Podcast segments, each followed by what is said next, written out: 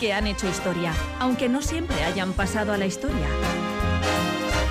Algunas hoy célebres, otras aún por descubrir. Algunas heroínas, otras villanas, todas singulares. Es tiempo de hacer visible lo invisible. Es tiempo de vivir para contarlas. Dedicamos nuestro episodio de hoy a la escritora danesa Karen Blixen, también conocida por su seudónimo literario Isaac Dinesen.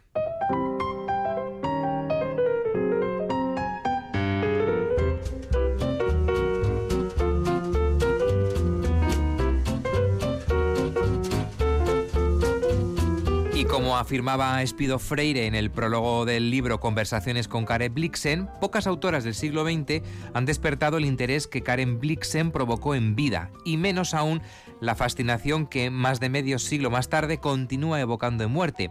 Ha logrado, como Hemingway, como Virginia Woolf, como Frida Kahlo, ser reconocida por quienes nunca han leído una de sus obras. Edu Rebaz, ¿qué tal? Hola. Hola, bien. Vamos a dar alguna pista sobre esta mujer a la que hoy dedicamos nuestro Vivir para contarlas insisto, Karen Blixen, también conocida por su seudónimo Isaac Dinesen. Igual así por el nombre no nos suena, pero si damos alguna pista, seguro que sí. Sí, sí, pista concluyente, porque puede que haya muchas personas que no han leído Memorias de África, pero nos atrevemos a asegurar que hay muy pocas que no hayan visto la película del mismo título o disfrutado con su maravillosa banda sonora, ¿no? Pocos arranques resultan tan memorables y evocadores como aquel Yo tenía una granja en África, al pie de las colinas de Ngong. Ecuador atravesaba aquellas tierras altas a un centenar de millas al norte y la granja se asentaba a una altura de unos 6.000 pies. Durante el día te sentías a una gran altitud, cerca del sol. Las primeras horas de la mañana y las tardes eran límpidas y sosegadas y las noches frías. Hoy, en Vivir para contarlas, revisitamos la historia de la leona.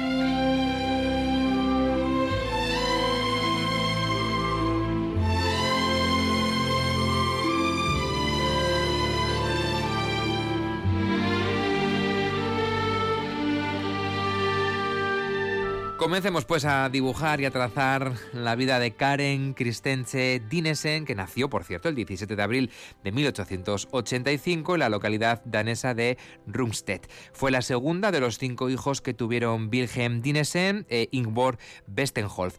¿Cómo fue la infancia de Karen Blixen?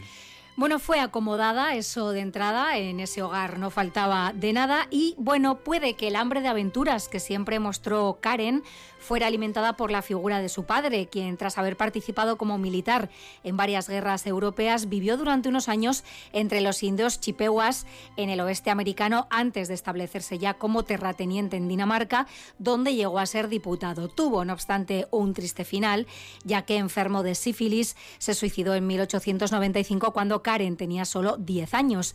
Su madre optó por no brindar a sus hijas una educación reglada, sino que decidió, como lo hacían entonces otras familias, también de su clase y condición que fueran educadas en casa por una institutriz. Un dato que tenemos que tener en cuenta en esta biografía es que Karen mostró siempre un temprano interés ¿no? por el dibujo y la escritura. Sí, que eran, digamos, aficiones poco comunes ¿no? entre las mujeres de su clase, pero de hecho ella llegó a cursar estudios de dibujo en Copenhague y en 1907 debutó como escritora con el cuento Los Eremitas, que firmado con el primero de sus seudónimos, Osceola, fue publicado en la revista literaria danesa Tilsqueren. En 1912 se prometió con el varón Bror Blixen Fineke, que era su primo segundo y además hermano gemelo de su verdadero primer y no correspondido amor, Hans. Una biografía reciente que se ha publicado, titulada La Leona, Karen Blixen en África, está escrita por Tom Book Swenty y publicada por Ediciones del Viento y cuestiona el mito que tanto el libro Memorias de África como sobre todo la película homónima crearon en torno a la figura de la escritora. ¿Y qué se cuenta en esa nueva biografía? Bueno, pues asegura este autor, por ejemplo, que Karen se casó con Bror únicamente para convertirse en baronesa y poder sumar así un título nobiliario a la fortuna y el cultivado nivel cultural que ya poseía su familia. Otras fuentes, en cambio, aseguran que lo que Karen buscaba realmente con este matrimonio era salir de Dinamarca, escapar del convencional matrimonio burgués y conocer mundo, quizá inspirada también por sus sufragistas tías, Bess y Lida, firmes defensoras de los derechos de la mujer. Lo cierto es que ella siempre percibió, y así lo describió África, como un mitificado, luego veremos que también un tanto idealizado, espacio de libertad. En cualquier caso, Karen y Bror se casaron en Mombasa en 1914 y en efecto ella se convirtió en baronesa, se instalaron a las afueras de Nairobi en una finca sufragada por la familia materna de Karen.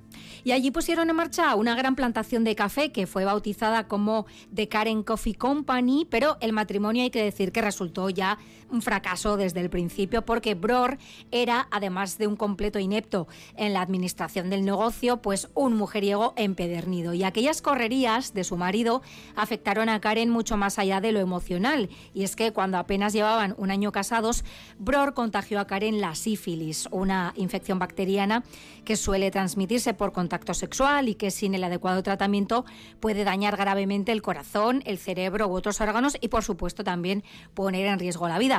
Durante el resto de su vida hay que decir que Karen tuvo que someterse a un duro y progresivamente tóxico tratamiento y que su vida sexual pues también se vio seriamente comprometida. Se separaron tras seis años de matrimonio y por expresa petición de su familia, Karen se quedó con la plantación y además asumió también su gerencia. Para entonces ya había establecido con el continente africano un vínculo eterno.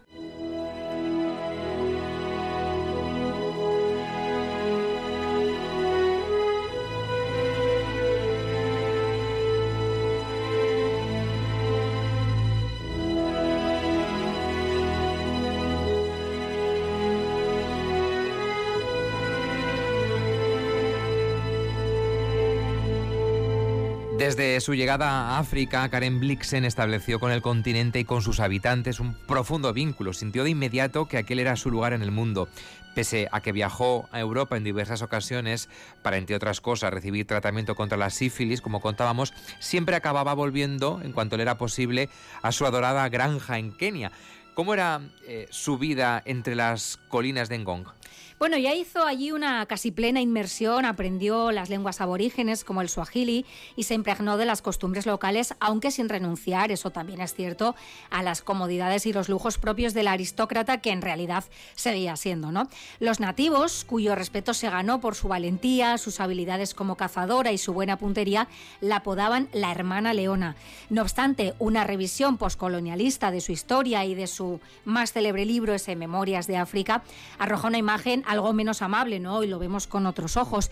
Se ha acusado a Karen Blixen de caer, como otros aristócratas europeos de la época, en una cierta romantización de África y de obviar la injusticia y la apropiación que supuso el sistema colonial. Ha sido asimismo acusada de racismo y supremacismo por el modo en que describe a los nativos en algunos pasajes y otras voces, en cambio, insisten en situar los hechos en el contexto de la época e incluso destacan su comprensión de los problemas coloniales y reconocen su preocupación preocupación y respeto por los nacionalistas africanos. Sea como fuere, lo cierto es que antes de verse, como veremos, obligada a abandonar África, luchó por las 153 familias que trabajaban en la granja y no paró hasta conseguir un compromiso del gobernador de que iban a encontrar trabajo y acomodo. Antes de eso, había tratado de mejorar su calidad de vida también a través de la educación y a tal efecto llegó a construir una escuela en los propios terrenos de la finca, donde hoy, por cierto, hay un campo de golf, que esto también es bastante revelador, ¿no? Pero Karen no tuvo, como vemos, demasiada suerte en su medio concertado matrimonio, pero sí que conoció el amor y así lo saben todos los que como mínimo han visto, la, película, ¿no? se prendó totalmente de un noble, culto, divertido y aventurero piloto y cazador inglés afincado en Kenia, que era Dennis Finch Hatton, que para todos nosotros tendrá siempre un rostro, el de un joven y guapísimo Robert Redford.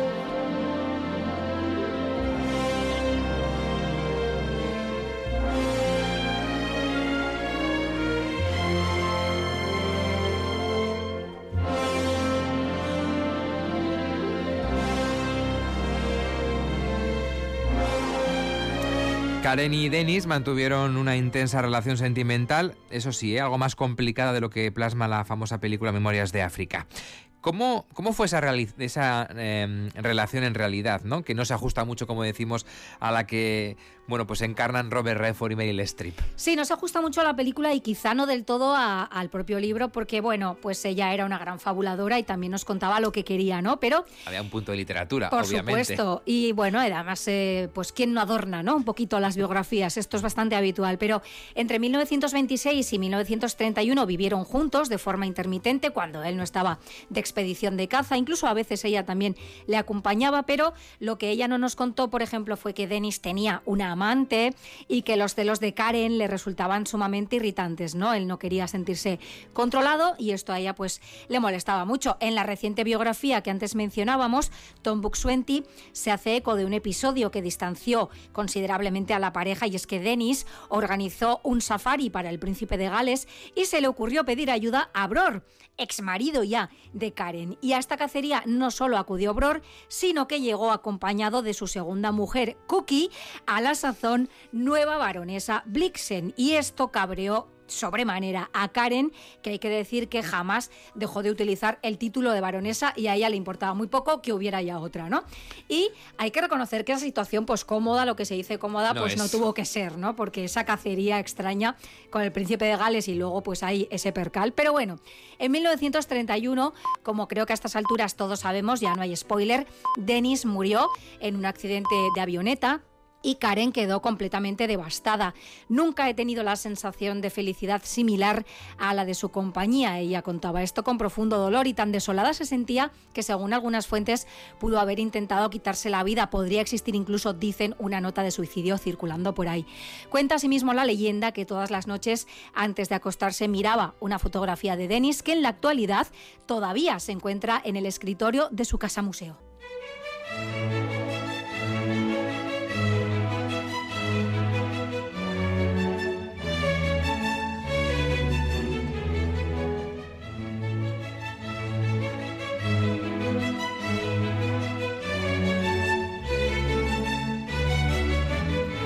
Para contarla estamos trazando la vida de Karen Blixen, Isaac Dinesen.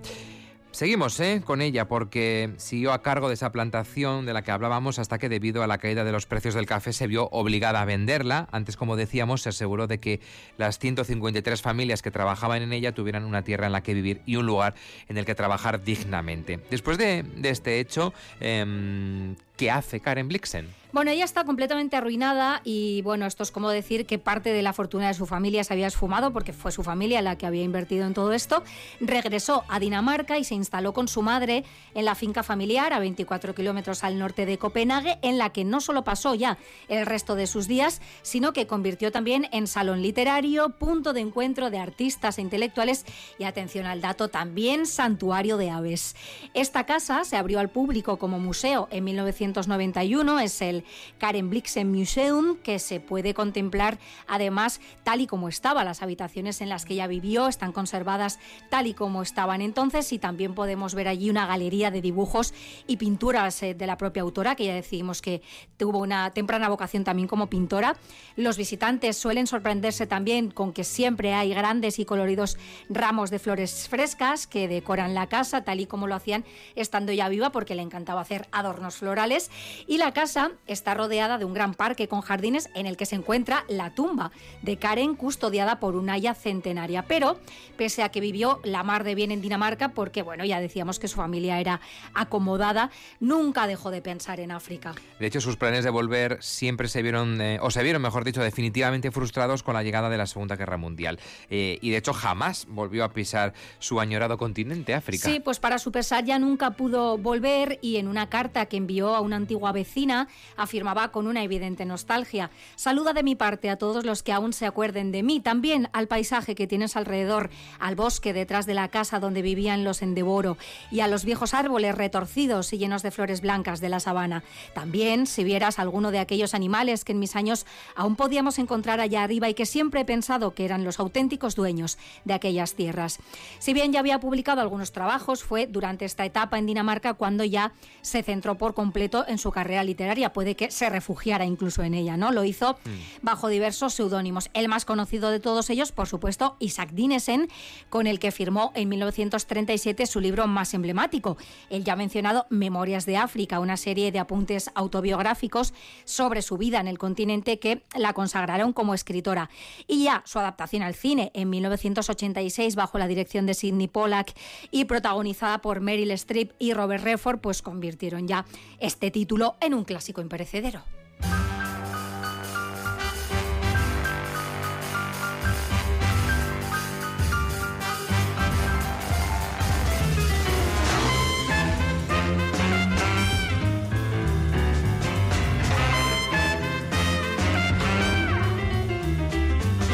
Un salto en el tiempo, nos vamos a situar en 1959, que es el año en el que Karen Blixen comenzó a hacer las Américas. Se embarcó en su primer y único viaje a los Estados Unidos con el propósito de terminar una serie de películas educativas ¿no? y de discusiones para la Fundación Ford y la Enciclopedia Británica. ¿Cómo le fue este periplo yankee? Bueno, pues ella iba por motivos de trabajo, pero vamos, también tuvo tiempo para divertirse y para dejarse querer, como veremos, asistiendo a estrenos en Broadway y codeándose con la florinata de la sociedad estadounidense del momento, como las socialites Bev Paley o Gloria Vanderbilt, escritores como John Steinbeck o Perle Book, cantantes como María Callas o actrices como Marilyn Monroe, a la que ella misma pidió conocer. Este encuentro, al que asistió también el entonces marido de Monroe, el dramaturgo Arthur Miller, dejó para el recuerdo una mítica fotografía en la que aparece también la escritora Carson McCullers, que ejerció de intermediaria, ¿no? Para que esta cita pudiera llevarse a cabo. En esa hoy histórica foto, Karen Blixen se muestra tres años antes de su muerte en su más reconocible imagen antes de que llegara Meryl Streep para cambiarla y ahora solo podemos pensar en Karen Blixen con la cara de Meryl Streep, pero su imagen era otra. Haznos de descriptora, ¿cómo era esa fotografía que podemos encontrar en las redes fácilmente? Pues en esa fotografía vemos a la baronesa con su aspecto habitual y más en esta, en esta etapa de su vida, ¿no? Extremadamente delgada, pero extremadamente delgada, con uno de sus vistosos turbantes pendientes de diamantes, los ojos siempre fuertemente enmarcados con lápiz negro y los dos elementos que constituían casi en exclusiva su dieta, que era el champán y las ostras. Y a la pregunta de Arthur Miller al respecto, ella se limitó a responder, soy vieja y como lo que quiero. Y también fumaba, ¿eh? lo que ella quería, y un poquito más. Una dieta...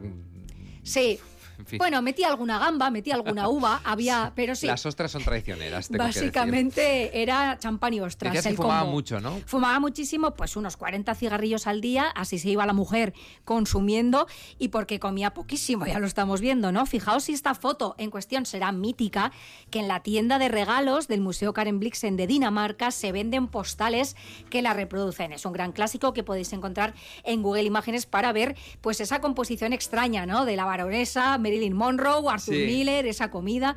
Bueno, durante algo más de tres meses, ella, como decíamos, se dejó querer en Estados Unidos, se dio algún que otro baño de masas, protagonizó un artículo de la revista Life o posó para prestigiosos eh, fotógrafos como Richard Avedon o Cecil Beaton. Pero su cadavérico aspecto no presagiaba nada bueno, no es que estuviera llena de vitalidad y salud, arrastraba ya dos delicadas operaciones de la espina dorsal y también una tercera operación de estómago, no llegaba ni a los 40 en esta época, pero no fue como cabría esperar la sífilis en sí lo que acabó con ella, sino de forma mucho más directa el tratamiento contra la sífilis, que entre otras cosas incluía mercurio. Y por si esto fuera poco, ella añadió al cóctel anfetaminas y somníferos.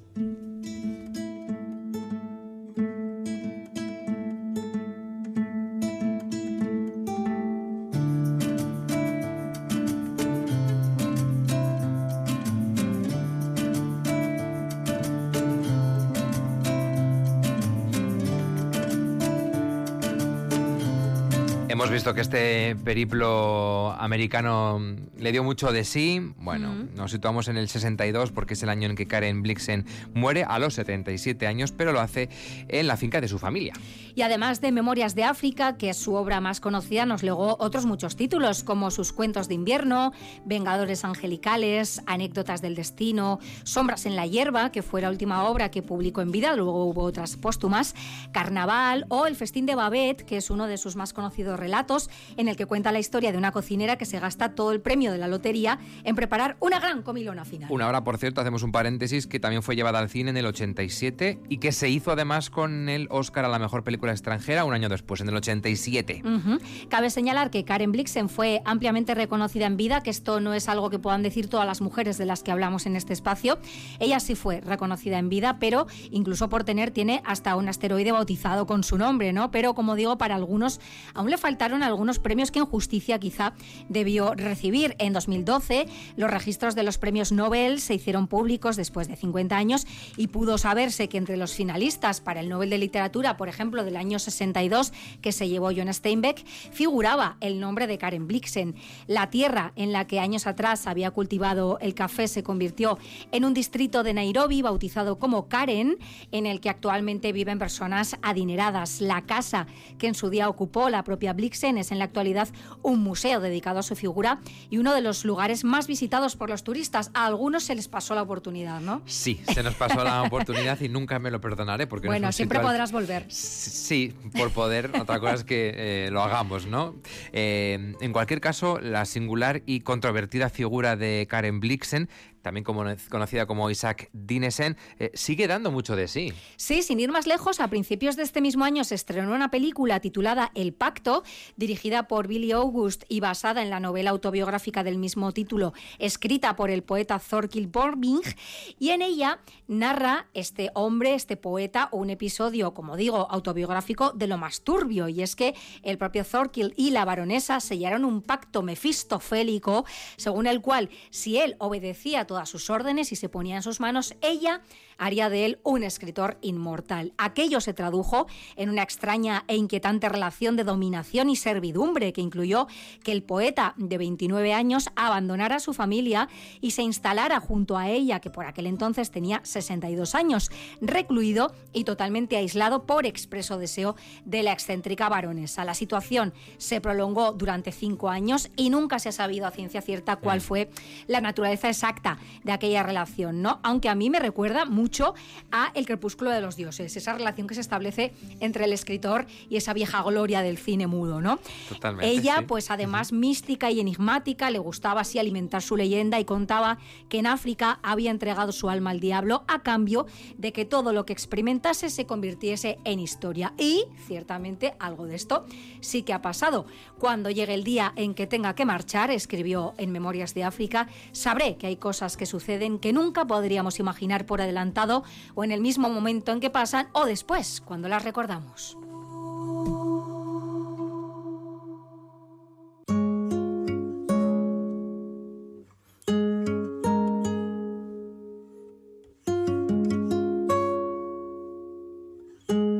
Como decíamos, quizás muchas personas no han leído la novela Memorias de África, pero sí han visto la película. Es parte de esas memorias que escribió Karen Blixen, firmadas como Isaac Dinesen, que es la protagonista hoy de nuestro Vivir para contar. Las mujeres, muchas de ellas que no han visto reconocida su obra, en el caso de Karen, pues sí, eh, vio reconocido todo su trabajo. Pero bueno, sí tiene diferentes reconocimientos. Y bueno, planecito, por ejemplo, para este fin de semana, sobre todo si caen tormentas, revisitar Memorias de África, ya sea en su versión literaria o cinematográfica. Eduardo Navaz, que recasco. Eso regatic, agur.